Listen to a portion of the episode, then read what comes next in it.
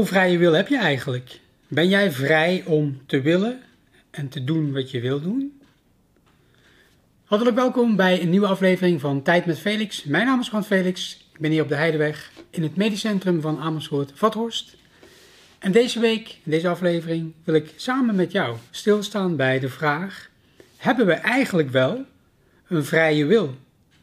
Of is alles al voorbestemd? Laten we daar samen wat dieper op ingaan. Ga je mee? Kijk, de vraag van hebben wij een vrije wil, als je die vraag zou stellen aan een neurobioloog zoals de Amerikaan Robert Sapolsky, of je zou die vraag stellen aan Dick Schwab, dan zeggen ze allebei: wij zijn ons brein. En bijvoorbeeld Robert Sapolsky die heeft wel eens een uitspraak gedaan waarbij hij zegt: toon mij één neuron in je brein, één cel, die ook maar enige mate van vrije wil heeft. Die is er niet. Met andere woorden, als je naar het weefsel kijkt, het brein als orgaan, en als je kijkt naar de neurale netwerken, dan zegt Robert Sapolsky, dan vind je geen vrije wil. En Dick Swaap zegt hetzelfde in zijn boek, Wij zijn ons brein. Maar ik denk dat beide een denkfout maken. Ik denk dat beide iets over het hoofd zien dat essentieel is. En wat dat precies is, laten we daar nu eens samen wat dieper op ingaan. Kijk, het is natuurlijk zo dat je uiteindelijk, hoeveel vrije wil je hebt om een keuze te maken, hè? want daar hebben we het over. Ik bedoel, wat is vrije wil? Als jij de vrijheid hebt om iets te willen, betekent het dus dat je ook de vrijheid hebt om een keuze te maken. Dat is de vrijheid waar we het over hebben. Heb jij vrijheid, ervaar je vrijheid om de keuze te maken? En een keuze maken betekent een beslissing nemen.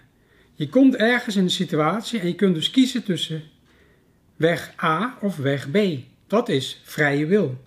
En volgens de neurobiologen die ik net heb genoemd, Robert Sapolsky en Dick Swaap, hebben wij dus daarin geen enkele keuzevrijheid. Dus zij zeggen wij zijn ons brein, wij zijn onze neuronen. En ik denk dat ze daarbij één essentieel onderdeel over het hoofd zien. En dat is namelijk dat wij absoluut niet ons brein zijn, maar we hebben een brein. Er is dus in jou iets, je zou het kunnen noemen je bewustzijn, waardoor jij bewust bent van wie jij bent. En natuurlijk heb je je brein en je lichaam om te ervaren. En want wat is nou eigenlijk het doel van je brein? Kijk, je brein heb je om zowel de signalen die van buiten komen, hè, dus via je zintuigen, als alles wat via je lichaam te voelen is, om die signalen, om die op te merken en iets te doen met die signalen als er iets niet in orde is. Dat is de functie van je brein, zodat jij in veiligheid bent. Om je een extreem voorbeeld te geven, stel je nou eens voor dat je in een ruimte komt en de hoeveelheid zuurstof in die ruimte is veel te laag. Misschien is er ergens rookontwikkeling, dus je komt die ruimte binnen en direct, hè, vanuit je breinstam, is er direct die sensor van, aha, hier is de hoeveelheid zuurstof die ik nodig heb om te overleven, is hier niet. En alles in jouw lichaam zal dan op dat moment jou ertoe aanzetten om die ruimte te verlaten. Dan gebruik je dus het signaal vanuit je lichaam om uit die ruimte te gaan. En dan heb je weinig vrije wil. Maar als je tegelijkertijd even een andere situatie neemt. Stel je bent op het strand en je ligt lekker te ontspannen. En het zonnetje schijnt en je kan kiezen van wil ik een drankje nemen, wil ik lekker eventjes een hapje eten, blijf ik even lekker ontspannen liggen, ga ik een wandeling maken, ga ik wat lezen, ga ik gezellig kletsen of misschien een spelletje doen. Kijk, in die situatie zijn de omstandigheden anders en zodanig dat je dus de vrijheid voelt om een keuze te maken van wat jij wil. En dan kun je nog steeds afvragen: heb je dan wel of niet een vrije wil in wat je doet? En laten we daar nu tot slot eens even samen bij stilstaan. Of die vraag te beantwoorden is: in welke mate heb je dan een vrije wil om te kiezen? Kijk, of we een vrije wil hebben, hangt van het volgende af. Als je nog eens even stilstaat hè, bij het model van je hebt een brein en er komen signalen binnen hè, via je zintuigen, je ogen, je oren, je tastzin, je smaak, je geur. En die signalen die komen binnen en die gaan naar je brein. En tegelijkertijd komen er signalen naar je brein vanuit je lichaam, hè, vanuit je organen. En oftewel of niet ergens pijn zit en spanning voelt je lichaam.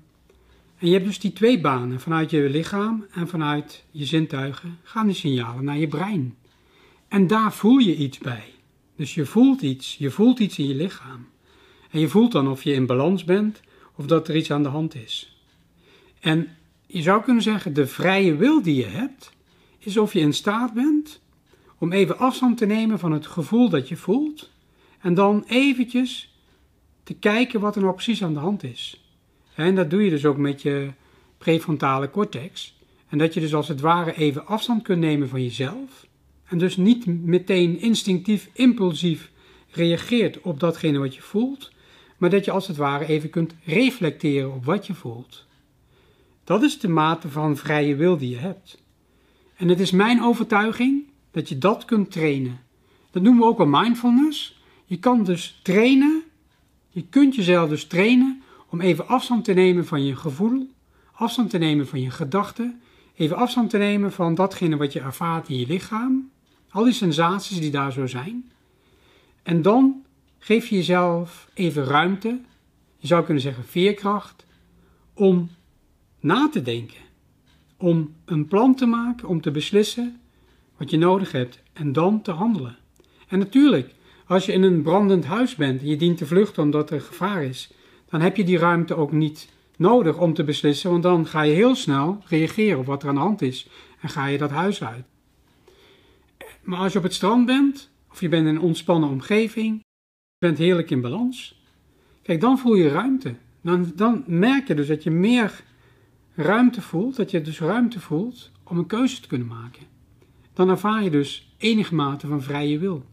want je bent niet je brein, je hebt een brein, je hebt een lichaam en iets in jou is zich bewust van wie jij bent. En dat deel dat zich zo bewust is van jou, van wie jij bent, dat is ook hetzelfde deel dat dus even afstand kan nemen van wat je zo voelt in je lichaam en wat je denkt, zodat je daarin afstand neemt, overzicht hebt om een beslissing te nemen. En dat noem ik je vrije wil.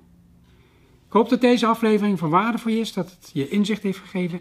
Ik dank je in ieder geval hartelijk voor het kijken en ik hoop je heel graag weer te zien bij een nieuwe aflevering van Tijd met Felix volgende week. Mocht je een afspraak willen maken om eens door te praten, kijk naar de link bij deze video. In ieder geval zie ik je graag weer volgende week. Dag!